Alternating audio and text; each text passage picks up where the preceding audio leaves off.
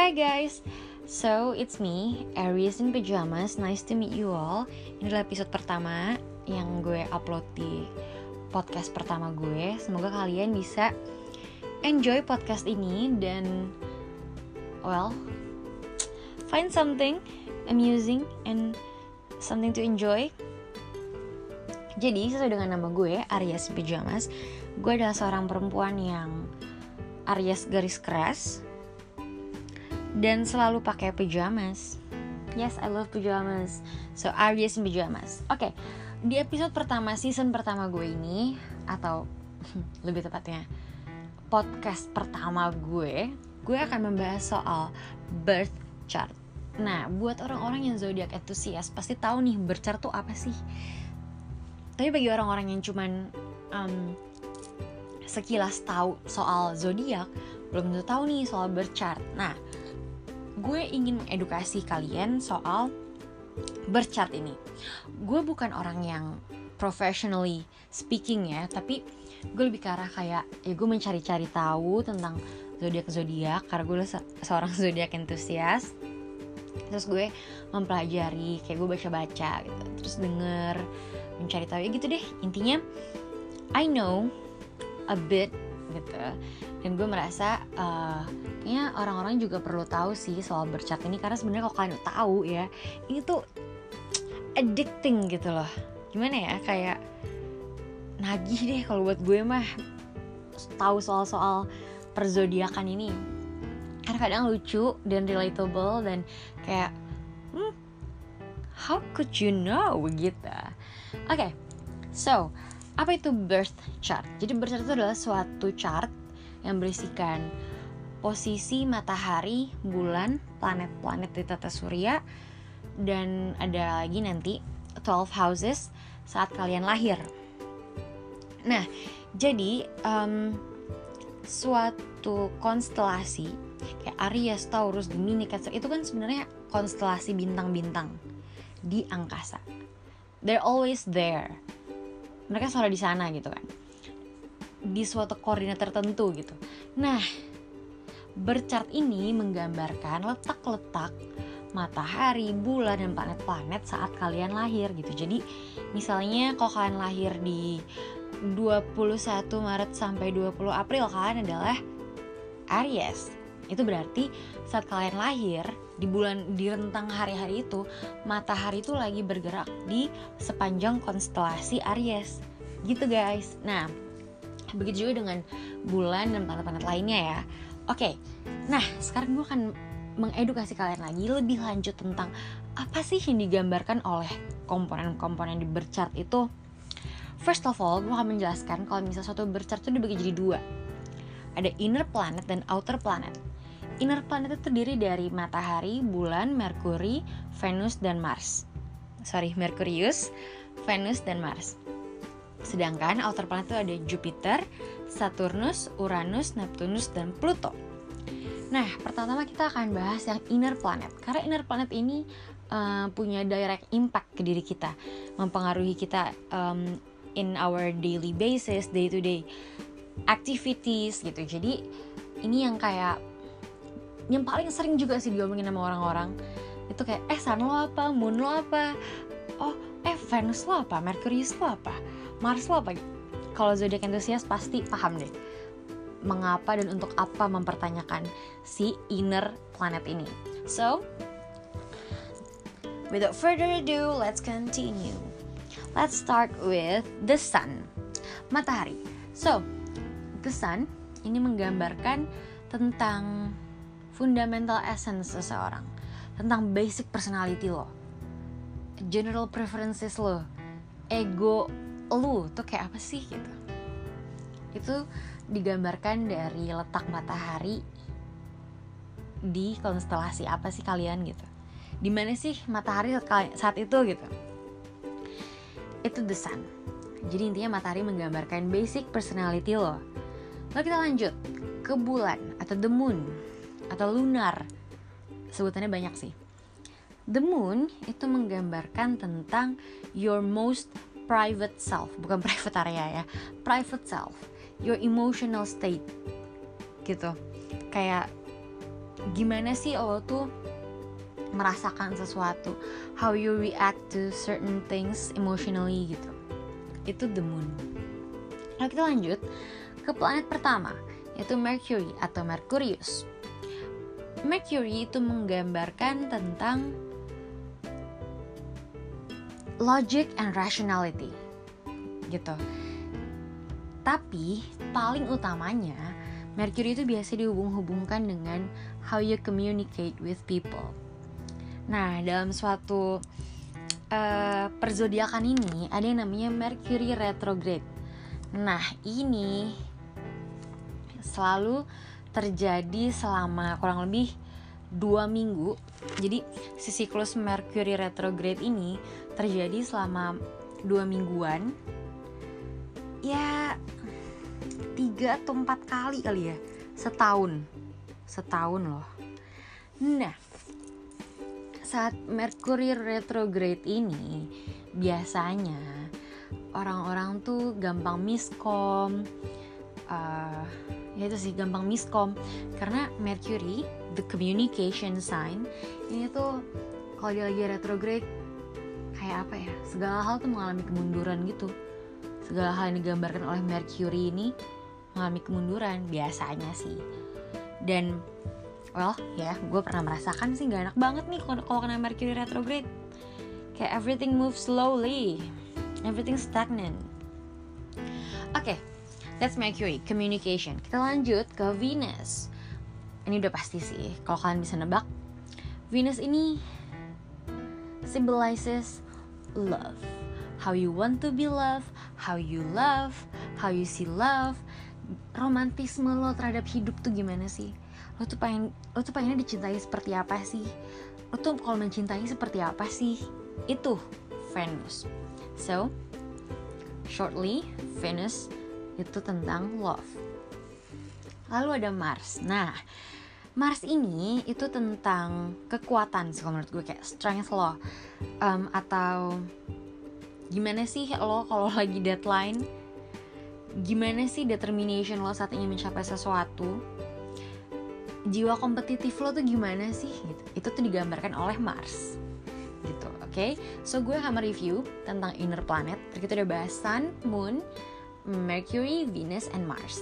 Sun, basic personality Moon, your secret self, your most private self Lalu ada Mercury, communication, Venus, love, Mars, strength Oke, okay, itu dia inner planet yang bisa sering diomongin sama orang-orang. Nah, kita akan lanjut ke outer planet yaitu adalah Jupiter, Saturn, Uranus, Neptune, and Pluto. Oke, okay, first of all, Jupiter. Nah, Jupiter ini um, menggambarkan tentang spirituality seseorang, tentang education seseorang. Kayak wawasan sih lebih ke arah wawasan lo gitu pengetahuan lo pengalaman pengalaman hidup lo gitu. Filosofi spirituality education itu Jupiter. Hmm, sih berat kan jadi bahasannya? That's why people rarely talk about Jupiter. Lalu kita lanjut ke Saturn. Ah oh, sorry Jupiter simbolisnya berarti intinya adalah filosofi lalu Saturn Saturn ini tentang hard work kita. How you want to achieve, how you are achieving things gitu. How you put logic above everything else. Itu Saturn. Ya kayak logic lo lah gimana sih orangnya tuh. Hard work lo, logic lo. Keywordnya Saturn, hard work. Lalu ada Uranus. Nah, ini nih awareness ini adalah si innovation dalam hidup lo pasti semua orang dalam hidup itu pernah merasa kayak aduh kayak gue nggak bisa nih kayak gini terus gue harus berubah bro gitu nah that's your awareness speaking that's your awareness taking control of you tapi kan kita kalau lagi mau berubah kalau kita merasa kita butuh perubahan kita kan nggak selalu mengumbar-umbar itu ke orang-orang kan? Kayak it happens inside of us. Nah that's why ini awareness ini menggambarkan soal itu. Dan dia ada di outer planet karena ya yeah, people don't see that. It doesn't show. Gitu. Kita lanjut. Ada Neptune. Nah jujur gue sendiri nih um, kurang paham ya sebenarnya sama what Neptune symbolize. Tapi kalau menurut artikel yang pernah gue baca Neptune itu tuh soal psychic seseorang gitu. Gimana tuh psychic seseorang? Psikis seseorang gitu tentang everything abstract that you have in your mind itu Neptune kayak how you imagine things your imagination. Ya eh, itu Neptune the spiritual unknown. Kayak pernah gak sih kalian tuh berimajinasi tentang sesuatu? Kayak apa ya? Gue nggak tahu sih. Intinya ketika lo lagi berimajinasi gitu that's your Neptune taking control. Kayak your imagination how it goes itu itu tuh um, Neptune gitu. So keyword untuk Neptune adalah imagination. Lalu ada Pluto the last planet. Well sebenarnya Pluto itu tuh ini sih menyeramkan menurut gue. Dia ini um, symbolizes power sebenarnya. Power transformation destruction and regeneration. Ya serem kan ya? Destructionnya itu loh sebenarnya sih yang bikin serem tapi um, intinya itu how you quietly transforming from the inside itu tuh Pluto. Tentang bagaimana kalau kita ingin um, manifest a change kita harus let go of the past. Gitu. Kayak apa ya? Itu sih intinya. Ketika lo lagi merubah diri lo ketika lo ingin melepaskan masa lalu how you deal with the past itu Pluto gitu so let me sum up everything about the outer planet. First of all, outer planet ada Jupiter. Itu tentang philosophy, your philosophy of life. Lalu ada Saturn. Itu tentang hard work. Lalu ada Uranus, itu tentang innovation in life. Lalu ada Neptune, about your imagination. Dan ada Pluto, tentang power and transformation and regeneration I think itulah tentang bagaimana oh oke okay. Pluto ini tentang bagaimana lo menghadapi masa lalu how you deal with your past that's Pluto nah jadi selain si komponen-komponen planet-planet ini dalam satu berchart juga ada houses. Yang terdiri dari 12 houses. 12 houses on a birth chart. Nah 12 houses ini sendiri menggambarkan banyak hal. Oke okay, tapi gue akan mencoba untuk gue udah coba udah coba merangkum tentang si 12 houses ini. So here are the explanation kalian buka berchart kalian kalian generate berchart kalian. Ini adalah definisi dari houses itu ya. First house itu menggambarkan first impression orang-orang ke lo. Tentang your defense mechanism your ego ya surface self. Ya berkaitan lah dengan sun-sun kalian biasanya. Lalu second house itu ada values. Tentang your money, your spending habit, your materialistic gitu.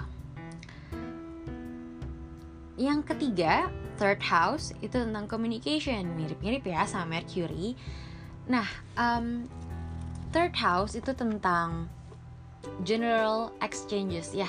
Intinya communication kalian lah, how you how you think about things. Itu third house.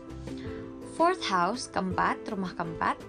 Aneh ya kalau rumah keempat ngomongnya Iya apa ya Fourth house itu tentang inner foundation Tentang emotional foundation Gitu. Lalu lanjut ke fifth house Itu tentang inner child. What pleasures you What makes you feel happy Your joy Tentang romance gitu. Tentang spontaneous self expression kalian gitu. Inner child lah lalu sixth house itu menggambarkan tentang health and routine kalian. Lalu menggambarkan juga uh, your problem solving. Gimana kalian bertanggung jawab dalam hidup. Itu. Itu adalah health and routine eh itu adalah sixth house tentang health and routine. Lalu seventh house yang ketujuh itu berbicara tentang partnerships. Tentang marriage, business, partnerships, um, soulmates, pacar tuh biasanya. Nah, eighth house itu tentang transformation, tentang change, tentang your life crisis gitu. Lalu ada ninth house atau yang kesembilan itu tentang higher learning. Nah ini tuh sebenarnya yang agak-agak hmm, seperti Neptune ya agak abstrak gitu Ini tentang your beliefs kepercayaan kalian tentang personal philosophy kalian ya mungkin ninth house ini gabungan antara Jupiter dan Neptune kali ya. Nah lalu ada tenth house yang ke-10 itu tentang legacy dan reputation. Ini tentang karir kalian bagaimana kalian achieve things in life gimana kalian intinya how you see fame how you want fame gitu. How you want to be known by the world. Itu legacy and reputation. Uh, beda ya sama hard work itu beda tapi intinya ini tentang how you want how you achieve things gitu. Fame and honor gitu. Lalu ada yang ke-11 the 11th house itu tentang networks and visions. Ini tentang uh, cita-cita kalian harapan kalian um, pandangan kalian tentang pertemanan gitu. Personal goals itu. Rumah ke-11 lalu yang ke-12 yang terakhir 12th house this is about spirituality and self undoing ini tuh tentang secrets kalian tentang subconscious kalian tentang hidden strengths and weaknesses.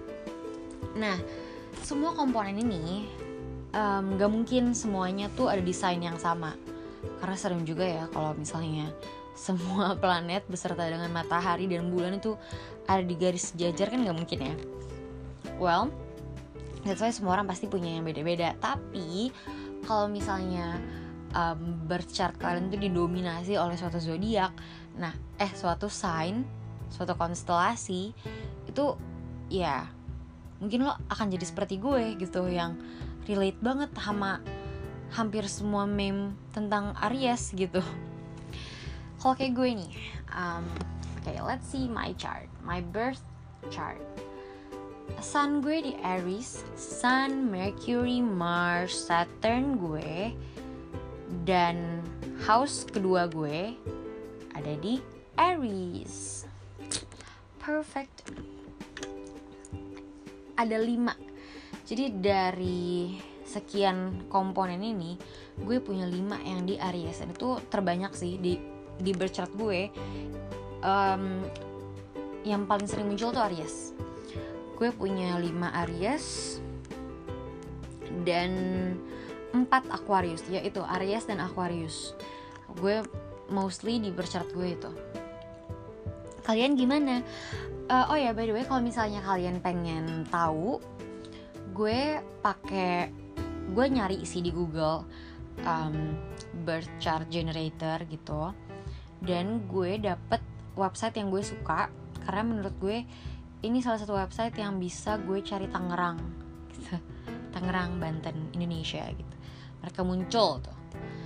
Karena lokasi juga menentukan kan si letak-letak matahari bulan dan planet-planet ini. Makanya gue cari yang uh, website yang bisa gitu nyari sampai sedetail itu Tangerang gitu kan. Nah uh, gue pakai website ini justastrologythings.com kalian coba nanti ke sana kalau kalian penasaran dan pengen tahu bercarkan isinya apa sih gitu you guys can go to that uh, web and check it out lalu kalian lihat deh sun kalian moon kalian dan lain-lainnya itu ada apa aja. Nah, tapi ada satu yang belum gue bahas, yaitu ascendant atau rising kalian. Nah, apa sih itu gitu kan? Ascendant atau rising itu juga akan muncul tuh saat kalian generate birth chart tuh akan muncul juga. Nah sebenarnya apa sih ascendant itu? Apa sih rising itu? Nah kan tuh first impression? Kayak your first thought when you first saw a person itu adalah ascendant kalian. Jadi ascendant atau rising itu adalah bagaimana orang-orang melihat kalian untuk yang pertama kalinya. Persona kalian. How you attract people. What kind of vibe you give to people. Itu adalah ascendant atau rising kalian. First impression kalian lah. Persona gitu. Um, itu juga biasanya how you deal with day to day issues gitu. Tapi ya keywordnya untuk ascendant atau untuk rising itu adalah first impression kalian ke orang ke orang-orang gitu. How people see you gitu. Saat orang baru pertama kali kenal sama lo lo tuh gimana sih gitu? Um, atau kayak lo ke orang-orang baru atau saat di environment baru atau situasi yang belum pernah lo hadapi sebelumnya lo tuh kayak gimana sih? Nah itu ascendant atau rising lo gitu. Nah untuk gue ternyata gitu kan ascendant gue adalah Pisces. Jadi uh, bercat gue nih Sun basic personality Aries Moon emotional atau most private self itu Gemini Mercury gue communication itu Aries Venus love Aquarius Mars strength itu Aries Jupiter philosophy Pisces Saturn tentang hard work itu di Aries. Ada Uranus itu tentang innovation. Ada di Aquarius Neptune gue juga Aquarius. Pluto gue di Sagittarius. Lalu ada Ascendant atau Rising. Nah itu yang tadi kita bahas first impression. First impression gue ada di Pisces. House kedua gue Aries house ketiga gue Taurus. Random banget sih sebenarnya.